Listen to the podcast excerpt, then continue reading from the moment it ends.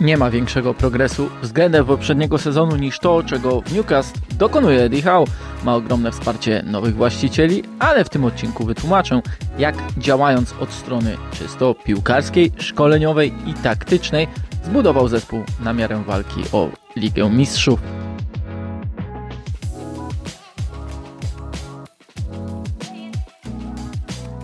To podcast zachodny do tablicy, który możecie znaleźć na platformach Spotify, YouTube oraz Google, a mnie możecie oglądać tydzień w tydzień w Viaplay. Mogła się spodobać reakcja Ediego Hała, który ostatnio otrzymał nagrodę dla trenera miesiąca. Nie jest to nic nowego, bo do zdjęcia z wręczenia wyróżnienia zaprosił swój sztab. Jednak przypadku Newcastle ten sztab, bardzo obszerny, jest też symbolem zmian, które zaszły w ciągu ostatniego roku. Odzwierciedla to odmianę losów również na boisko. Przecież odkąd klub przejął Public Investment Fund, który zatrudnił Hoła, to właśnie na zapleczu działo się najwięcej. Poza tym, że nowi inwestorzy zdecydowali się na rozbudowę ośrodka treningowego, który miał odstawać nawet od warunków Championship, to również zatrudniano i żegnano ludzi od fizjoterapeutów przez trenerów bramkarzy, lekarzy czy analityków.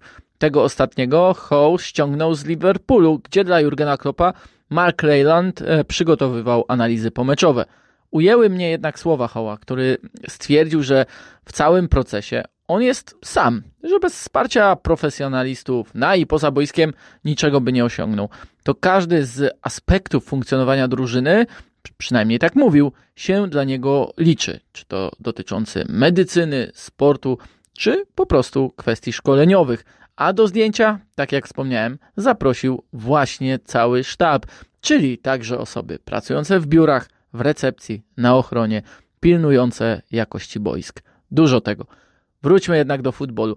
Oczywiście, że Obecne wyniki Newcastle są również efektem tego, jak została poprowadzona letnia strategia transferowa tego klubu. Ogromne kwoty, wydawane dzięki wsparciu saudyjskich właścicieli, pozwoliły dodać jakości, ale najważniejsze w kontekście tych działań było to, że wzmacniano Newcastle punktowo.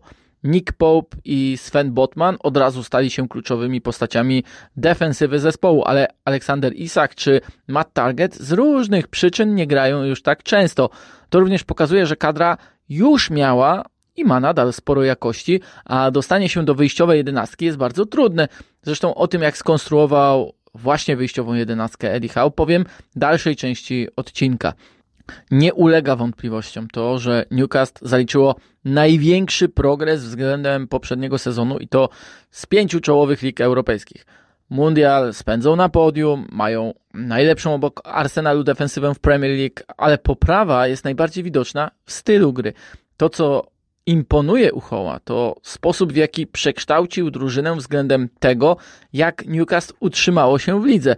To spory talent szkoleniowca nie spocząć na laurach, ale dostrzec konieczność wykonania kolejnego kroku i też wybrania właściwego kierunku dla zespołu.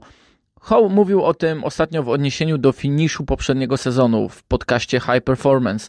E, stwierdził, że jego Newcastle już wygrywało sporo spotkań, ale nie było stroną dominującą. A to jest jego zdaniem nie do utrzymania, ponieważ grając w takim zachowawczym stylu, wyczekując, końcu zaczyna się przegrywać i wtedy pojawia się problem, czy wciąż stabilizować defensywę, liczyć na czyste konta, czy walcząc z brakiem pewności siebie drużyny, co naturalne, otwierać bardziej spotkania i wybierać bardziej ofensywne usposobienie. W tym kontekście też sporo szkoleniowcowi powiedziało o losach Newcastle to, co zdarzyło się po wrześniowej przerwie na kadrę, co prawda do niej United przegrali tylko raz i to z Liverpoolem na wyjeździe, ale większość spotkań remisowali, mając też tylko jedno zwycięstwo i Howe zastanawiał się, co przyniosą kolejne mecze i jaki obrać kierunek. Wybrał narzucanie jeszcze wyższej intensywności i zachęcenie zespołu do atakowania. I gdyby spojrzeć na tabelę od 1 października, to nie było lepszej drużyny pod względem zdobytych punktów, strzelonych goli, a tylko Leicester straciło mniej bramek. Newcastle zremisowało ledwie raz z Manchesterem United na wyjeździe, resztę spotkań wygrywało i opłacało się przesunąć wajchę w stronę ataku, jeszcze wyższego, bardziej intensywnego pressingu.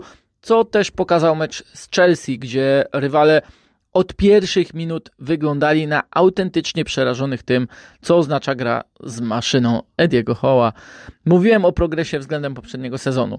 Newcastle było w tamtych rozgrywkach dziesiątym najrzadziej odbierającym piłkę w strefie ataku zespołem z niemal 100 z pięciu czołowych lig Europy. By uzmysłowić wam to, jak zachowawczo i ostrożnie grali, wystarczy, że wskażę, iż obok e, były klasyfikowane takie zespoły jak Hertha Berlin, Watford czy Salernitana. W tym sezonie przemiana jest niesamowita. Są na dziewiątym miejscu w tej klasyfikacji.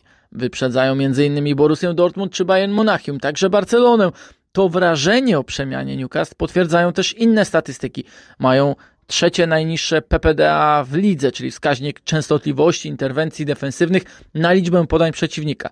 Są na poziomie imponującego w tym względzie Arsenalu.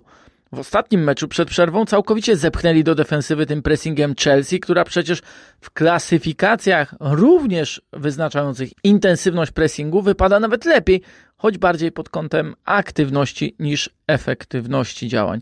Właśnie Efektywność to też bardzo ważne określenie dotyczące gry Newcastle. To istotny aspekt, który wyniknął z analiz Hoła, ale nie z jego okresu pracy już na St. James's Park, lecz po tym jak odszedł z Bournemouth po spadku z Premier League.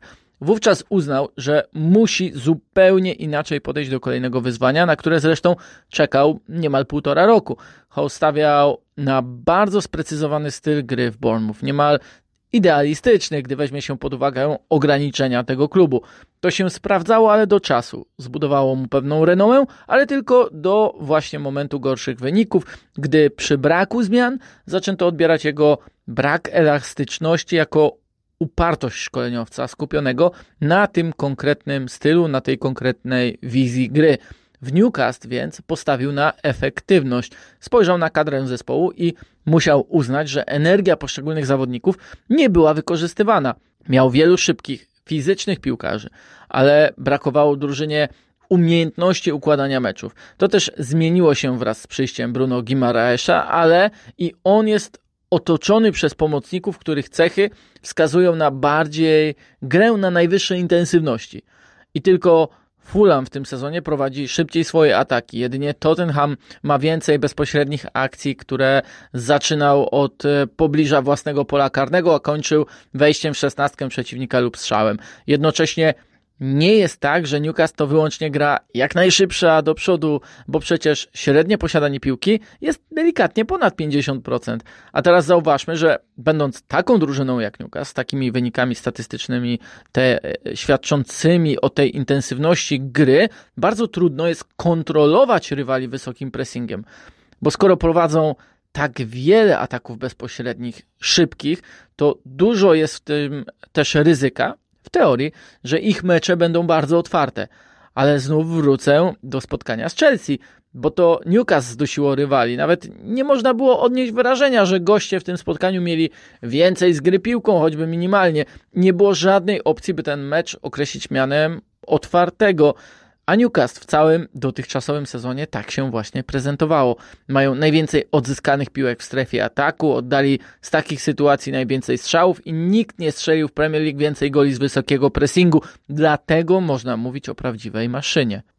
Chelsea długimi fragmentami nie pozwalali wychodzić z połowy, ustawiając się od razu w trzech zawodników do wysokiego pressingu w tych momentach, gdy goście zaczynali krótko grę od własnej bramki. Imponowało to, jak funkcjonowali w tym pressingu boczni obrońcy, którzy mocno zawężali pole gry, a ciągły nacisk na przeciwnika z piłką sprawiał, że Chelsea nawet nie mogła dłuższymi podaniami wykorzystać wolnych stref lub wolnych zawodników. Udało się to im jedynie raz w pierwszej połowie, gdy Jorginho zagrał prostopadę do Masona Mounta, a ten wyprowadził atak zakończony strzałem e, celnym Armando Broi. Wówczas wymagało to naprawdę klasowego zagrania reprezentanta Włoch, by ominąć sześciu presujących gospodarzy. Ten mecz był ciekawy również z tego względu, że maszyna Hoła nie pozwoliła na zaburzenie swojego rytmu gry, pomimo kolejnych zmian taktycznych Grahama Pottera. Nie tych wymuszonych kontuzjami, ale tych, które on sam e, robił, by gra Chelsea się poprawiła. I gdy w drugiej połowie przeszedł na czwórkę środkowych pomocników bez skrzydłowych z Mountem i potem Havercem w roli dziesiątki za plecami szeroko ustawionych atakujących, a następnie do 4-4-2, które miało dać Chelsea większą liczbę piłkarzy w ataku, a przyniosło dalsze frustracje, bo tak pewnie blokowali linię podania i jakiekolwiek próby zawodnicy Newcastle nic nie dawało efektu. Graham Potter znów mógł tylko bezradnie rozłożyć ręce, bo jego rozwiązania po prostu były kasowane przez intensywność gospodarzy, ale nie tylko dlatego, że to Chelsea jest w słabej dyspozycji, ma braki personalne i nawet e, Potter nie ma czasu na wdrożenie pomysłów, choć wciąż można go uznać za nowego szkoleniowca tej drużynie. Nie to zespół Hoła sprawił, że Londyńczycy wyglądali tak beznadziejnie. I tym bardziej warto sprawdzić poszczególne e, części tej ekipy. Bardzo interesująco jest złożona już sama obrona, która jest przechylona na prawą stronę, bo znacznie częściej od Dana Burna w atakach uczestniczy oczywiście Kieran Trippier. Zresztą reprezentant Anglii ma jeden z najlepszych wyników zagrań w pole karne czy podań kluczowych, co potwierdza jego jakość i częstotliwość działań w ofensywie. Burn też bywa obecny w atakach Newcastle, ale choćby z racji sylwetki i tego, że jego profil raczej predysponuje go do środka, obrony, daje on równowagę drużynie, zawsze zabezpiecza ewentualne kontry. Właśnie równowaga jest kluczowym słowem, gdy przechodzimy formacja po formacji zespół Newcastle i analizujemy grę poszczególnych piłkarzy. Przecież w drugiej linii obok Bruno Guimaraesa grają Sean Longstaff i bardzo wymiennie Joe Willock oraz Joelinton.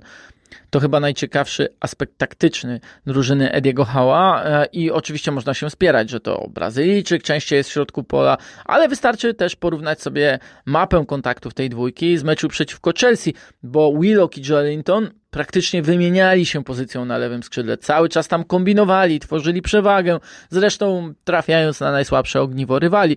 Zresztą Willock i Joelinton to dwóch bardzo dynamicznych, atakujących wolną przestrzeń zawodników, wchodzących w linię ataku, dryblujących i uzupełniających się e, graczy. Gola z Chelsea Willock strzelił po zejściu Almirona ze skrzydła do środka, ale wcześniej za linię obrony zagrywał mu właśnie z tej strefy Joelinton. Z kolei Southampton tydzień wcześniej trafił do siatki samemu wybiegając na prostopadłe podanie od Trippiera, gdy akurat na boku był Jacob Murphy. Nie ma różnicy i dla zespołu, i dla jednego z nich, który spełnia daną rolę w konkretnym momencie. A co do reszty zawodników, wystarczy spojrzeć na e, jakość Gimaraesa w rozegraniu. Od długich podań do współpracy z Miguelem Almironem i zagrań do niego za linią obrony przez to, jak wybieganym piłkarzem jest Longstaff, e, cały czas asekurujący te ataki i podejmujący proste, ale skuteczne decyzje. On nie komplikuje gry ani swojej, ani zespołu. I to też, wydaje mi się, na tym etapie przewaga Hoa nad innymi trenerami, którzy rywalizują o miejsca w czołówce. Nie mają do dyspozycji aż tak wielu piłkarzy o wielkim ego, którzy do pewnych prac, do pewnych działań, by nie przywiązywali takiej koncentracji, czyli Hoła wciąż stać na wystawienie Longstaffa, na wystawienie Dana Burna na boku, po to, by jego zespół miał jeszcze lepsze efekty całej pracy. A to poświęcanie się dla drużyny to również efekt podejścia trenera i Dana Ashworta, czyli dyrektora sportowego, do celów transferowych. Oczywiście, że stać Newcastle na pewnie większość piłkarzy grających w czołowych ligach europejskich, ale Właściwe dobieranie do składu i do grupy jest znacznie trudniejszym wyzwaniem. Newcast na razie zdaje z tego egzamin. Howe e, stwierdził, że dla niego najważniejsze jest to, czy piłkarze są świadomi tego, gdzie trafiają. E, w poprzednim sezonie tą świadomością była walka o utrzymanie w tej, już o europejskie puchary, ale chodzi też o status klubu. Wcale nie stało się tak, że wraz z inwestycją um, Saudyjczyków nagle Newcastle jest postrzegane, czy też powinno być postrzegane jak Manchester City. Jeśli jakiś piłkarz tak do tego podchodzi, to raczej na St. James's Park nie trafi. A Eddie Howe, co tu dużo mówić, ma zresztą zespół bardzo dobrze rozwijający się, bo o ile w obronie o solidności stanowią 30-latkowie jak Sharp, Pop, Byrne czy dwa lata starszy od nich Trippier, o tyle w ataku jest jeszcze sporo potencjału do wykrzesania z Gimaraesa, Jolintona, Willocka czy Almirona. Po prostu trzeba wiedzieć, jak to zrobić. O ofensywie jeszcze nic nie mówiłem, ale w zasadzie jej osiągnięcia e, mówią same za siebie. Almiron przebija jakiekolwiek oczekiwania. Jego forma eksplodowała. Callum Wilson z kolei zasłużył sobie na powołanie na Mistrzostwa Świata. Jeszcze więcej mogą pokazać i Isak, i Alain e, Saint-Maximin, ale muszą najpierw wygrać rywalizację z tymi, którzy tak świetnie się spisują w wyjściowym składzie. Każdego z nich jednak cechuje eksplozywność, energia i umiejętność szybkiego, bezpośredniego atakowania, czy to z piłką, czy bez niej. I to chyba najlepiej odnosi się do tego, że e, Eddie Howe ma ten komfort wymiany poszczególnych części, by nie zaburzyć tej tożsamości, tej charakterystyki swojego Newcastle. Nie można powiedzieć, by to był zespół porywający swoją taktyką, ale już grą jak najbardziej. Zdecydowanie z jakim udaje im się realizować plany e, szkoleniowca, e, choćby obrazuje brak jakiegokolwiek zwątpienia u piłkarzy. Świadczą o tym początki drużyny. Do przerwy ich bilans w tym sezonie to 13 goli strzelonych i tylko dwa stracone. Tylko w jednym okresie kwadransowym i to po 60 minutach w meczach ich średni dorobek goli oczekiwanych jest niższy od rywali. W tym sezonie przegrywali też przez mniej niż 6% czasu gry. Moglibyśmy też wspomnieć o świetnie wykonanych stałych fragmentach, które przynoszą niemal najlepsze efekty w lidze. A w kwestii budowy i charakteru kadry należałoby też wskazać na to, że o kilkadziesiąt procent przewyższają średni udział gry angielskich piłkarzy w wyjściowym składzie. To wszystko to małe rzeczy, które stanowią o sile i charakterze całości. Gdyby więc spojrzeć na projekt Newcastle z rocznej perspektywy, to imponuje konsekwencja i spójność, z jaką bardzo szybko pokonano drogę od pytań, które padały na konferencjach prasowych Hoła. E, najpierw w kwestii walki o utrzymanie, teraz nawet w nawiązywaniu rywalizacji o Mistrzostwo Anglii. To oczywiście jeszcze daleka droga, jeszcze sporo zmian czeka ten klub, wiele dzieje się także od zaplecza, ale kierunek jest dosyć oczywisty i porywający. Zresztą to w tym wszystkim jest najbardziej zaskakujące, jak z drużyny, która wydawała się totalnie bez życia bez woli walki i bez jakości, Howe stworzył maszynę do pressingu, do szybkiego atakowania, do fizycznej dominacji nad rywalami. I jego kariera szkoleniowa przyniosła w latach przed Newcastle więcej wątpliwości, e, zwłaszcza w kwestii sufitu, jaki mógł osiągnąć w Bournemouth przy tamtejszych zasobach, przy ograniczonym stadionie, przy ograniczonych też piłkarzach. Wielokrotnie zastanawiano się, czy pasowałby on do klubów z Wielkiej Szóstki, czy poradziłby sobie zderzając się z zawodnikami o większym profilu niż ten jego, czy jeszcze potrafiłby łączyć grę w lidze z europejskimi pucharami. To wszystko przed nim, ale jeśli te wyzwania zaatakuje w takim stylu, jak robi to z każdym kolejnym zadaniem w Newcastle, to progres na boisku wyprzedzi ten, który dzieje się w całym klubie to ostatni odcinek ligowy przed startem Mistrzostw Świata, które na moim kanale podcastowym będą oznaczały bardzo regularne, niemal codzienne podsumowania taktyczne spotkań, występów piłkarzy i ze szczególnym skupieniem oczywiście na reprezentacji Polski, jak długo w mundialu będzie ona uczestniczyła. Zapraszam Was też do nowego formatu, który przygotowuję z Piotkiem Żelaznym i co tydzień będzie się on pojawiał na kanale YouTube'owym. Tym bardziej zachęcam do subskrypcji, zostawiania polubień i komentarzy. Dzięki i do usłyszenia.